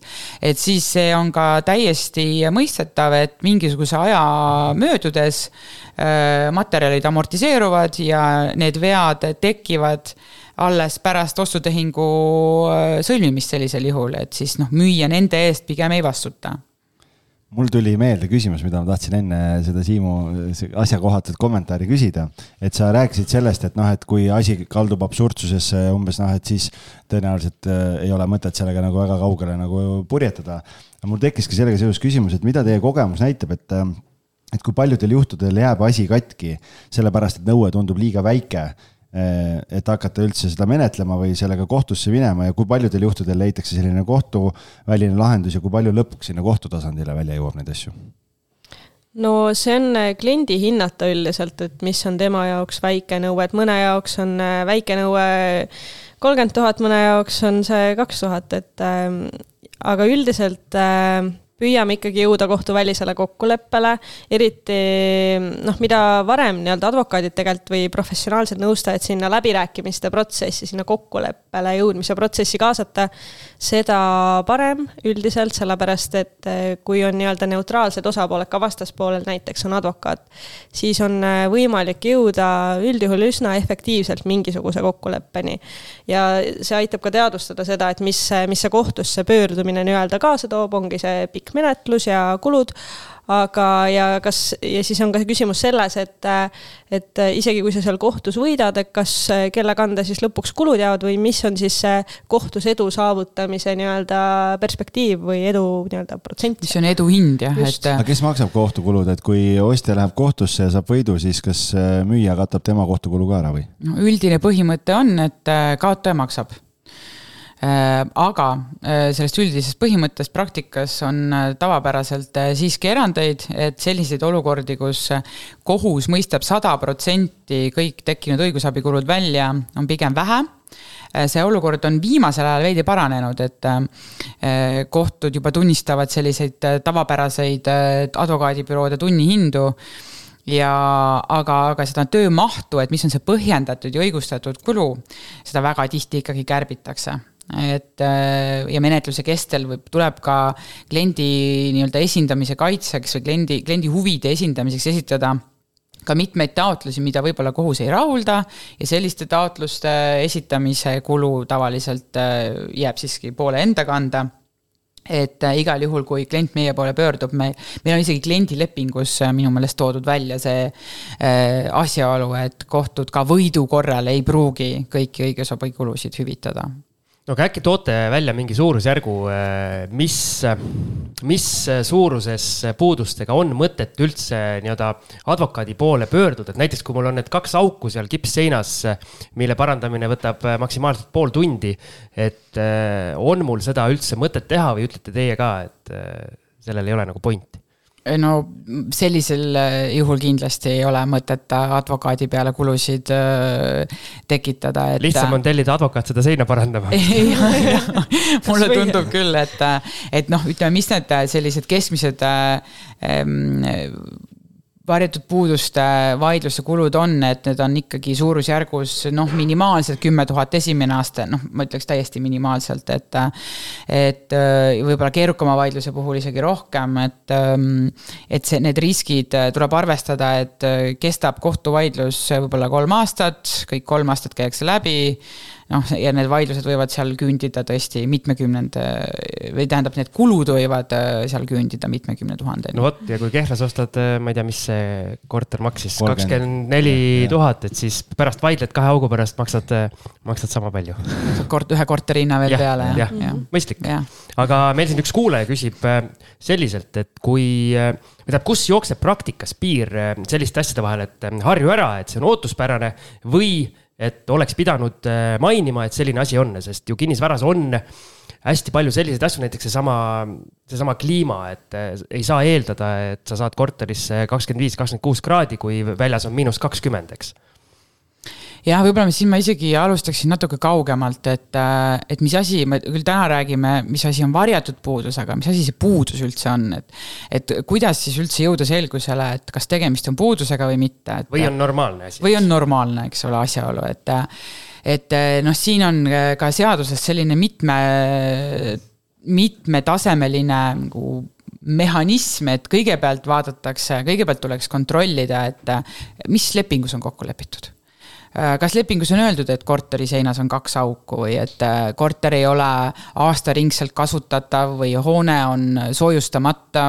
ehk siis, et kort-, äh, lepingus võivad olla välja toodud ka sellised negatiivsed tingimused aga noh, tõsi on see, et tavapäraselt nendes notari lepingu projektides, ega seal nagu liiga palju selliseid asjaomadusi välja toovaid tingimusi ei ole, et võib-olla sellised tüüpilisemad ongi üürilepingute puudumine või kolmandate isikute nõuete puudumine, noh näiteks äh, või, või korteriühistute võlgnevuste puudumine, ma ei tea, keskkonnareostuse puudumine, aga väga, väga spetsiifiliselt konkreetselt selle korteri suhtes sinna notar kindlasti ise midagi sisse ei kirjuta, et see on juba nagu poolte, poolte kohustus siis notarile paluda konkreetsed kokkulepped või eritingimused siis äh, lepingus äh, sõnastada et kui neid eritingimusi seal sõnastatud ei ole, näiteks äh, ei ole öeldud, et äh, naabrid on lärmakad või äh, korterit ei ole võimalik kütta soojemaks kui seitseteist kraadi noh, siis, siis me läheme nii-öelda järgmise kontrolliastme juurde ja peaksime kontrollima seda, kas see korter või elamu on sihtotstarbe kohaselt kasutatav, kas ta on eesmärgipäraselt kasutatav, ehk siis see, millest me enne rääkisime, kas ta on soojapidav, kas seal on äh, vesi, kanalisatsioon, tehnovõrkudega liidetud. Äh, ja, ja kui, kui seda ka ei ole siis äh, noh, siis meil on kindlasti puudus olemas, aga kui, kui iseenesest on sihtotstarbeliselt kasutatav, äh, siis on meil veel nagu kolmas mõõde, mida, mida kohtus vaadatakse, et kas ta vastab sellele keskmisele kvaliteedile ja kindlasti selle keskmise kvaliteedi puhul tuleb ka mängu, kas tegemist on uue asjaga või tegemist on vana asjaga. et kui ta on, kui ikkagi on tegemist äh, vana asjaga, siis ei saa sealt oodata ka nagu uue asja tingimusi. et eks ta ongi nii-öelda selline asjaoludest lähtuv, on see vastus mulle see konkreetsus meeldib, mõistliku aja jooksul keskmine ma just kvaliteet tahtsin küsida, et kas see keskmine kvaliteet on sama konkreetsesti mõõdetav nagu keskmine Eesti mees või? no vot, ei saa seadusesse sisse panna kõiki võimalikke olukordi, mis elus juhtuda võib.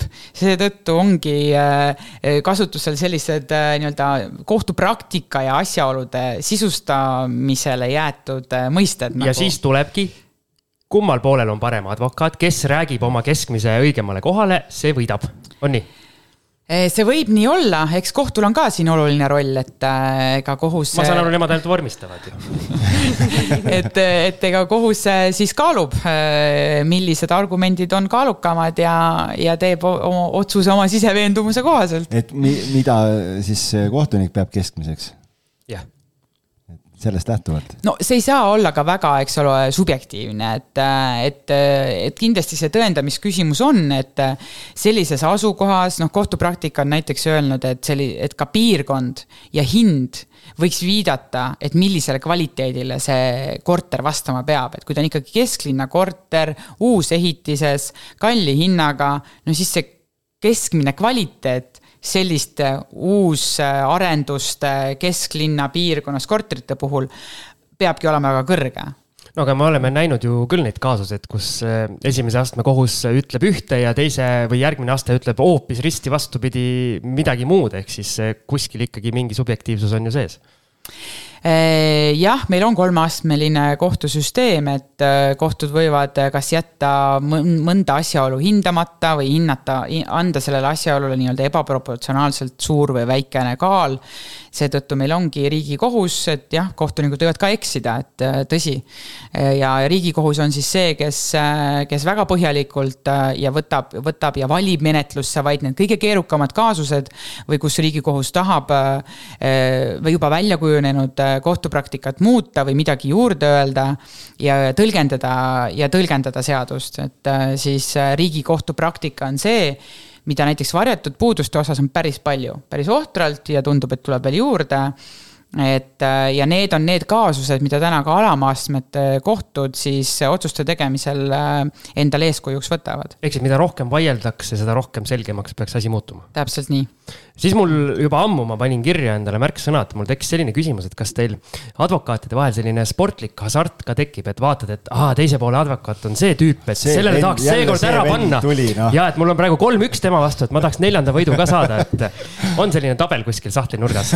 no võib-olla kellelgi on, et äh, minul kindlasti mitte, et äh, advokaat peab ikkagi lähtuma ainult oma kliendi huvidest, et. Äh, aga võita siis ei taha või? kui, kui läheb selliseks isiklikuks advokaatide vaheliseks Äh, võimuvõitluseks, et noh, siis see ilmselt võib-olla kliendi ah, huvides ei ah, pruugi olla. Siim on teisel poolel jälle, kuule, siit tuleb kerge jalutuskäik, et. Äh, ei viitsi isegi valmistuda täna aga no tuleb tunnistada, et on olnud küll selliseid olukordi, kes tundub, et, et advokaat äh, isegi kliendist erinevalt noh, ei, ei kuidagi ei ole kompromissiga nõus ja tõesti tahab suruda läbi seda kohtuvaidlust, isegi kohtunik vaatab sellise pilguga, et vabandust, aga ma nüüd räägiks teie kliendiga, et tundub, et teie kliendil on teistsugune arusaamine asjadest huvidest või soov kui advokaadil, et ähm, ja tuleb tunnistada, et sellises olukorras ma olen ka oma kliendil palunud otse võtta ühendust vastaspoolega sest mina ise advokaadina ei või otse vastaspoole kliendiga ühendust võtma, võtta, ma pean suhtlema tema esindajaga, advokaadiga. ja olen öelnud, et mulle tundub, et siin te leiate lahenduse ja kokkuleppe, kui te omavahel suhtlete ja täpselt nii ongi läinud. okei okay ka advokaat on inimene. igaks juhuks mainin ka selle juurde, et ikkagi advokaatidel kehtib ka omavahel kollegiaalsuse põhimõte ja kui ikkagi väga isiklikuks minna, siis äh, me võime sattuda aukohtusse. ehk siis ise kohtukulli ette või? oh no kas te peate seal ennast ise esindama või? Otseselt võib-olla ei pea isegi jah, võib ka seal endale advokaadi võtta. Päris huvitavad, see on nagu sibul, mida hakkad koorima, vaata siis uued kihid tulevad. Mm. -hmm. kuulge, aga mul on endal üks küsimus, tuli meelde praegu enda kõige esimesest Flipi korterist, mis me ostsime Jõe tänaval siin aastaid tagasi ja, ja seal oli selline olukord, et äh, müüja elas Tallinnast väljas ma ei tea, see korter oli tal umbes kakskümmend aastat olnud, ta kasutas seda korterit ainult selle jaoks, et äh, Tallinnas käies kuskil magada oleks. kööki sees ei olnud, sest ta ütles, et ta ei viitsi süüa teha, et ta käib kuskil väljas söömas kogu aeg. ja minul tekkis notaris reaalselt küsimus äh, notarile, et äh, seal ei ole kööki meil ei ole võimalust kontrollida, milline on torude seisukord, kas nad töötavad või ei tööta. et mis nüüd saab, kui me paneme sinna selle köögi sisse, keerame vee lahti. et kust me saame olla kindlad, et seal seina sees see toru ei lõhke ja kui ta lõhkeb, kas see on siis meie probleem või see on müüja probleem, mis teie ütlete selle kohta? no minu meelest on tegemist ikkagi sellise klassikalise varjatud puudusega, et noh, nagu me enne rääkisime, et see, et see müüja teadmine selle varjatud puuduse või selle puuduse esinemisest kahjuks ei mõjuta kuidagi seda, kas see kvalifitseerub puuduseks või mitte.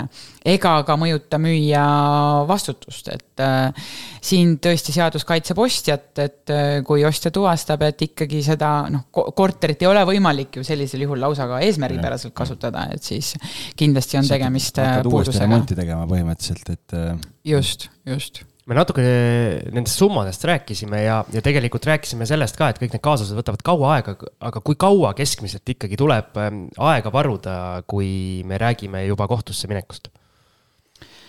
noh, aastaid. aga oota, aga, aga räägimegi tegelikult siis võib-olla selle protsessi ära, et kui nüüd Siim läheb, ostab järgmise korteri. Võt, tegi... võtan postri seinalt, seina pealt maha ja seal on hoopis kolm auku, mis ma nüüd tegema pean hakkama? et mis, milline on reaalselt see protsess siis, kui keegi reaalselt ikkagi tunneb, et talle on liiga tehtud ja ta tahab nüüd algatada selle protsessi äh, müüja vastu, siis mis need sammud on ja mida ta tegema peab, et oleks kõik korrektne? no esimene asi on kindlasti sellest puudusest äh, müüja teavitamine ja ei ole ju välistatud. Telefoni teel helistad ja sõimad? Äh, hea oleks äh, siiski see fikseerida. kirjalikult sõimata. Siim paneb siiski... lutika kõrvale, nagu ta enne ütles, siis ta räägib ära, onju, ja siis on fikseeritud. üldiselt ega see sõimamine iseenesest nagu võib-olla kõige nagu praktilisem viis soovitud tulemust saada ei ole. väga viisakalt öeldud et, äh, et väga võimalik ju, et tõesti ka müüja sellest puudusest ei teadnud, et on sama kohkunud, kui puudus avastatakse, kui ostja hakkab vastu sõimama no,. et need kolm auku tulid selle posteriga kaasa. et, äh, et just äh, kirjalik äh, sellise puuduse teavitamise fikseerimine on kindlasti oluline, olgu see siis SMS või Messengeris teade või, või e-kiri viisakas ja lugupidav, viisakas ja lugupidav on, ma saan aru, need märksõnad, jah? Mm, noh, ma arvan, et alati võiksid need olla need märksõnad iseenesest. algis ära sega. et äh, ja kui, ja väga võimalik ja enamus asju tõepoolest ju kohtusse ega ka advokaatide juurde ei jõua, et paljud need probleemid lahendatakse müüja ja ostja vahel ära, et kui on mõlemad mõistlikud inimesed, keegi liiga palju üksteise peale ei karju, et siis, siis soovitakse ju ka see lahendus leida, et äh, ei ole harvad need juhtumid, kus just puuduse tuvastamine järgmisel on klient juba meie poole pöördunud, aga ta saanud selle asja väga kenasti ise lahendatud müüjaga suheldes. on need olnud siin kas näiteks dušikalde probleemid, et äh, kui ei ole duširuumist vesi ära voolanud äh, piisava efektiivsusega ja kiirusega, et et noh, jällegi ostja ei pea käima korterit üle vaatamas ja veekraani lahti tegema, et avastada puudusi, et või, või näiteks, äh, mis meil praktikas on olnud, aurusaunas ei olnud piisavat õhuvahetust või kont-, ventilatsiooni. aurusaun ilma auruta või just, auru oli liiga palju tolles kaasuses. et äh, siis noh, see kaasus küll läks kohtusse, aga mm aga, aga tihti ikkagi müüja ja ostja lahendavad selle probleemi ära. Müüjad väga tihti ka annavad mõista, et nad ei ole ehitusspetsialistid, võib-olla ei olegi arendajaga tegemist, et võta pakkumised või ma võtan ise, ma maksan sulle selle kulu kinni, ise ei hakka isegi ja, ja loeme probleemi lahendatuks, eks ole. et ühesõnaga sihukest mõistlikkust on ikkagi rohkem kui. kindlasti on, on mõistlikkust okay. rohkem, muidu oleks meie, muidu läheks meie need kohtuvaidlused kümne kümnete aastate pikkuseks, äh, kui, kui neid äh, vaidlusi liiga palju oleks, et ähm, ja, ja, ja kui nüüd tõesti müüja ei tule puudust likvideerima, et noh, siis nagu me enne rääkisime, on võimalus äh, need puudused ise ära kõrvaldada ja nende puuduste kõrvaldamisega tekkinud kulud paluda müüjal kompenseerida. Ja noh, ja kui ta siis ei kompenseeri, noh, ega siis ei jää muud üle, kui tuleb otsust, otsus vastu võtta. Ostjal, kas ma selle summa pärast kohtusse hakkan minema või ei hakka? no ma ütleks, et seal on ka üks faas enne, et äh, sellel hetkel tegelikult see ostja otsustab, kas ta pöördub advokaadi poole.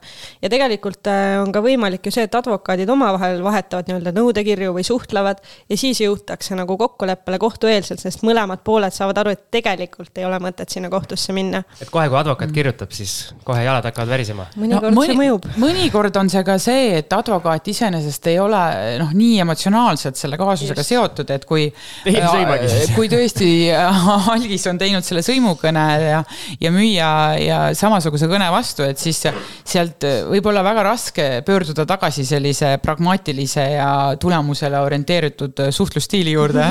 kui palju te olete reaalselt näinud, et mõni osapool ennast ise hakkab kohtus esindama?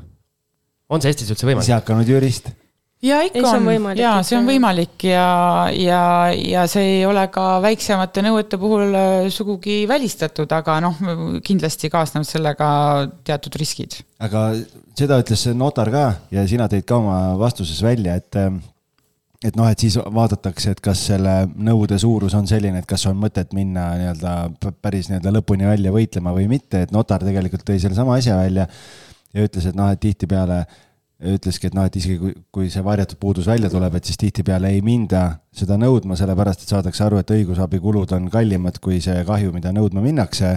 et kuidas teile tundub, et noh, et kui palju, see natukene ju tegelikult seab nagu, kuidas ma ütlen, mitte päris nagu karistamatusse olukorda, aga, aga need, kes on pahatahtlikud müüjad, nad tegelikult saavad aru, et ah, suva, müün ära ja tõenäoliselt ega sealt mingit nõuet ei tule selles mõttes, et ega kohtusse nagunii keegi ei, ei viitsi või ei jaksa minna, et äh, suva et ei no aga see risk ikkagi jääb müüja jaoks, et, äh, et nõue tema vastu esitatakse ja ei ole ka välistatud, et selle nõudega pöördutakse juba põhimõtte pärast kohtusse, et.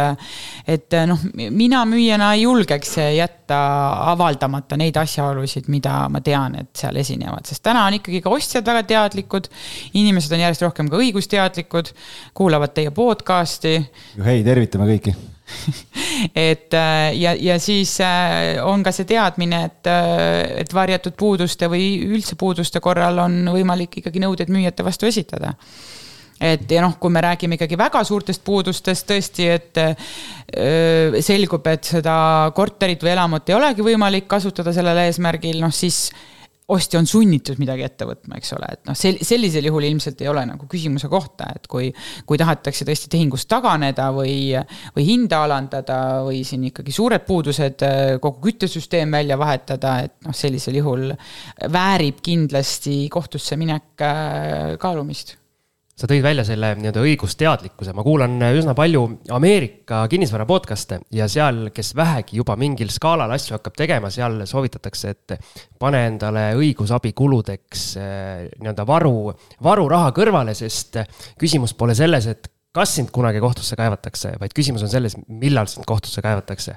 minu küsimus on, et USA-s tundub äh, mulle kõrvaltvaatajana, et äh, mingil määral see asi on nagu üle võlli läinud, et äh, kõik kaebavad kõiki kohtusse ükskõik mille pärast ja, ja siis kõik seal jahvatavad omavahel, et Eesti on. karvahamburgeri vahelt ja läheb miljonit dollarit. et kas Eesti on ka sinnapoole teel?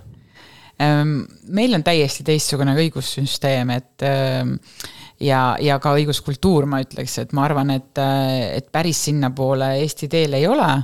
Ehm, küll aga ei saa kuidagi nagu viltu vaadata sellele, kui pooled soovivad oma õigusi kohtus kaitsta, et ja see, see mõnes mõttes ka korrastab sellist ärikultuuri, et äh, kui Algis siin mainis, et äh, siis tekibki selline karistamatuse tunne, kui keegi kohtusse ei pöördu. et kui ikkagi ostjad äh, võtavad selle tee ette, meil on ka selliseid kliente olnud, kes ütlevadki konkreetselt, et ma nüüd lähen kogu nii-öelda selle sektori äriinimeste eest kohtusse. et kas see konkreetne nii-öelda arendaja või, või siis ettevõte ei pääseks nii-öelda puhta nahaga aga meil päris selliseid nii-öelda aferiste ei ole, kes elatuvadki sellest, et äh, otsida järgmine ohver, keda kohtusse kaevata.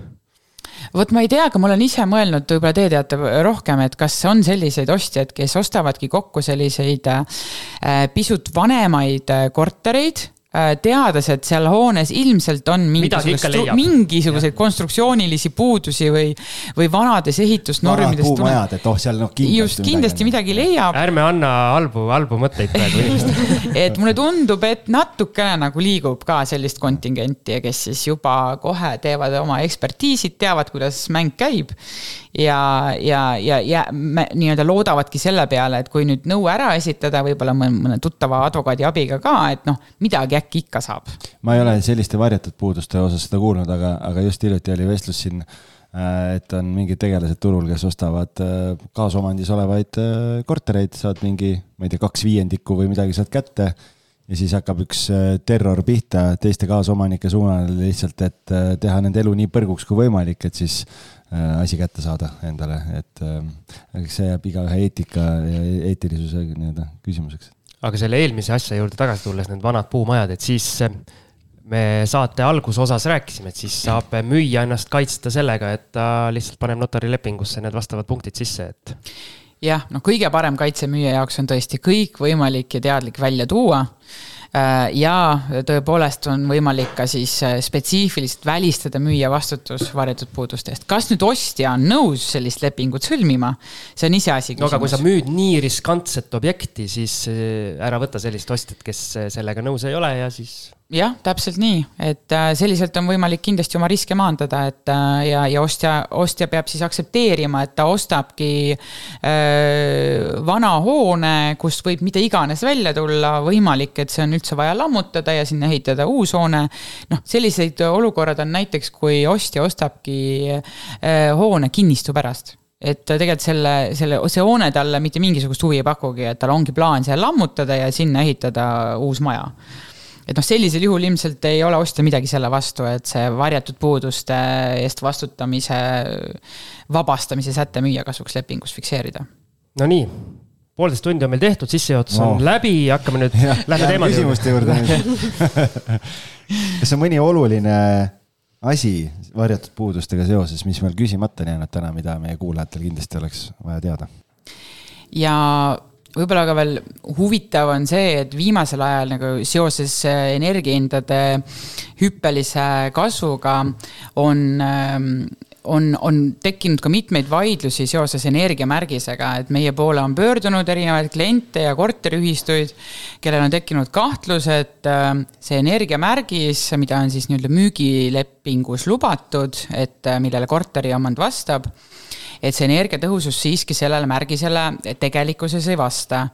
et äh, meie, meie büroos on ka vist üks ainukesi kohtulahendeid, jõustunud ringkonnakohtu lahend, kus ka kohtud tuvastasid, et ähm, energiamärgis, kui see on müügilepingus välja toodud, äh, kui nii-öelda eritingimus äh, müüdava eseme osas, äh, on oluline lepingu tingimuses, tingimus ja kui ikkagi elamu või korter sellele energiatõhususe tasemele ei vasta, siis on ostjal õigus müüjalt nõuda nõuda selle äh, korteri tingimustele vastavusse viimist või siis kahjude hüvitamist, et ähm, no seal konkreetses kaasus oligi niimoodi, et äh, oli kolm ridaelamu boksi ja lepingus lepiti kokku, et nendele ridaelamu boksidele on väljastatud B-klassi energiamärgis. ja hiljem, kui siis äh, uued omanikud sinna sisse kolisid, siis tekkis kahtlusi selles soojapidavusarved olid üsna kõrged vist ja siis selgus, nad tellisid eksperdilt need energiatõhususe arvutused ja selgus, et äh, hoopiski on energiaklass D ja siis äh, esiteks esitati nõue kõigepealt arendajale, et küsiti, et äh, palun vastavusse viia. seal telliti veel eraldi ekspertiis ka selle tuvastamiseks, et kuidas oleks võimalik see energiatõhususe klass B saavutada. ja siis vaadati nii-öelda ehitusprojektid üle, selgus, et on paigaldatud hoopis teistsugused aknad, uksed ja et äh, ventilatsiooni ja kütteseadmed erinesid äh, oluliselt algselt äh, projekteeritust. ja siis esitatigi nõue nende vahetamiseks kõigiks, arendaja ei olnud nõus ja pöörduti selle nõudega kohtusse. et siis juba kahju hüvitamise nõudega, et äh, uued elanikud tegid selgeks, et kui palju võib siis maksma minna äh, Äh, nende tööde teostus, et viia korterid vastavusse ehitusprojektiga, äh, lisasoojustus paigaldada, uus ventilatsioon aknad-uksed ära vahetada, see nõue oli seal suurusjärgus öö, minu mälu järgi sada tuhat ja peale.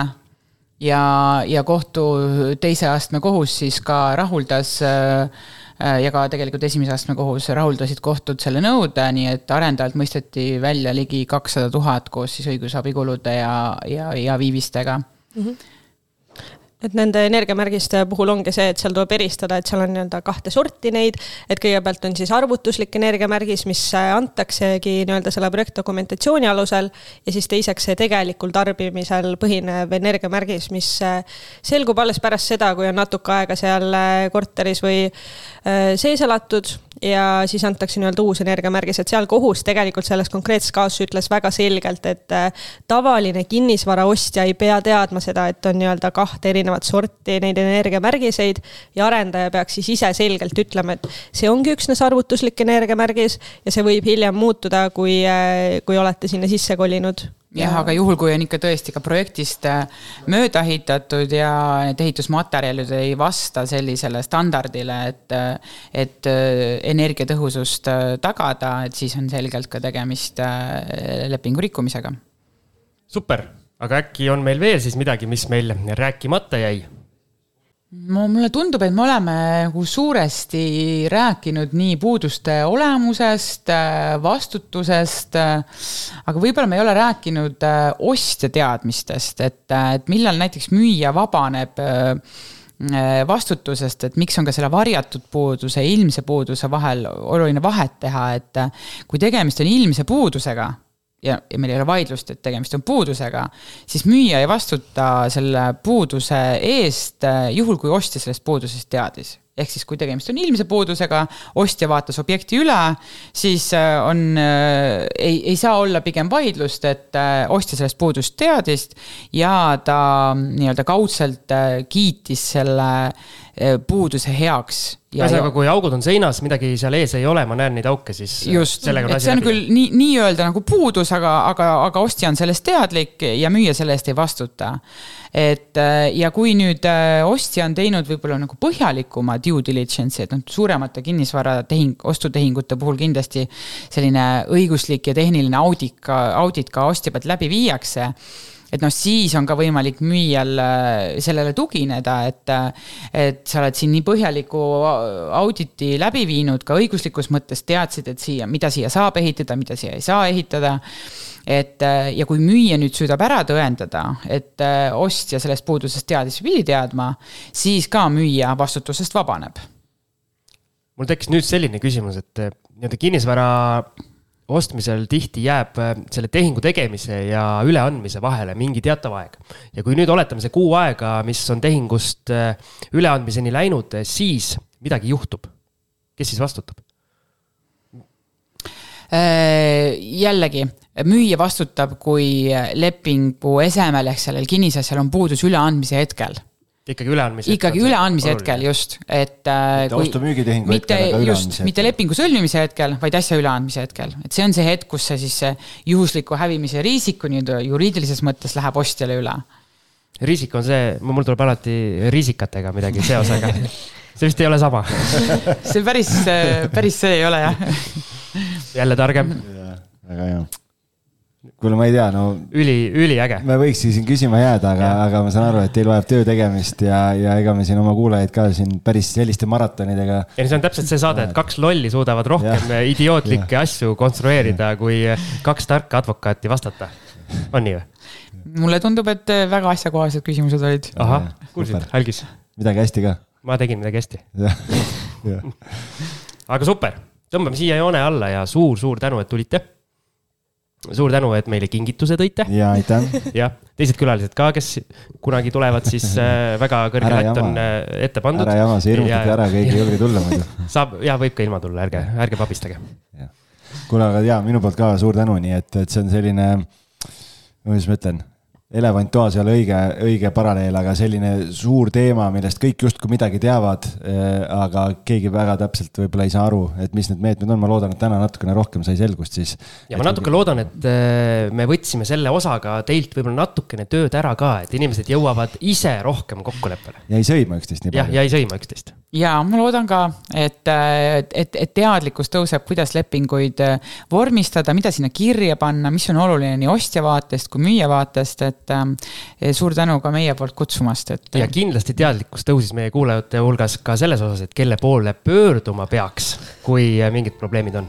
absoluutselt. on ju nii? Mm, meie kontaktid on kodulehel avalikud. just, uurige, aitäh. tšau. tšau.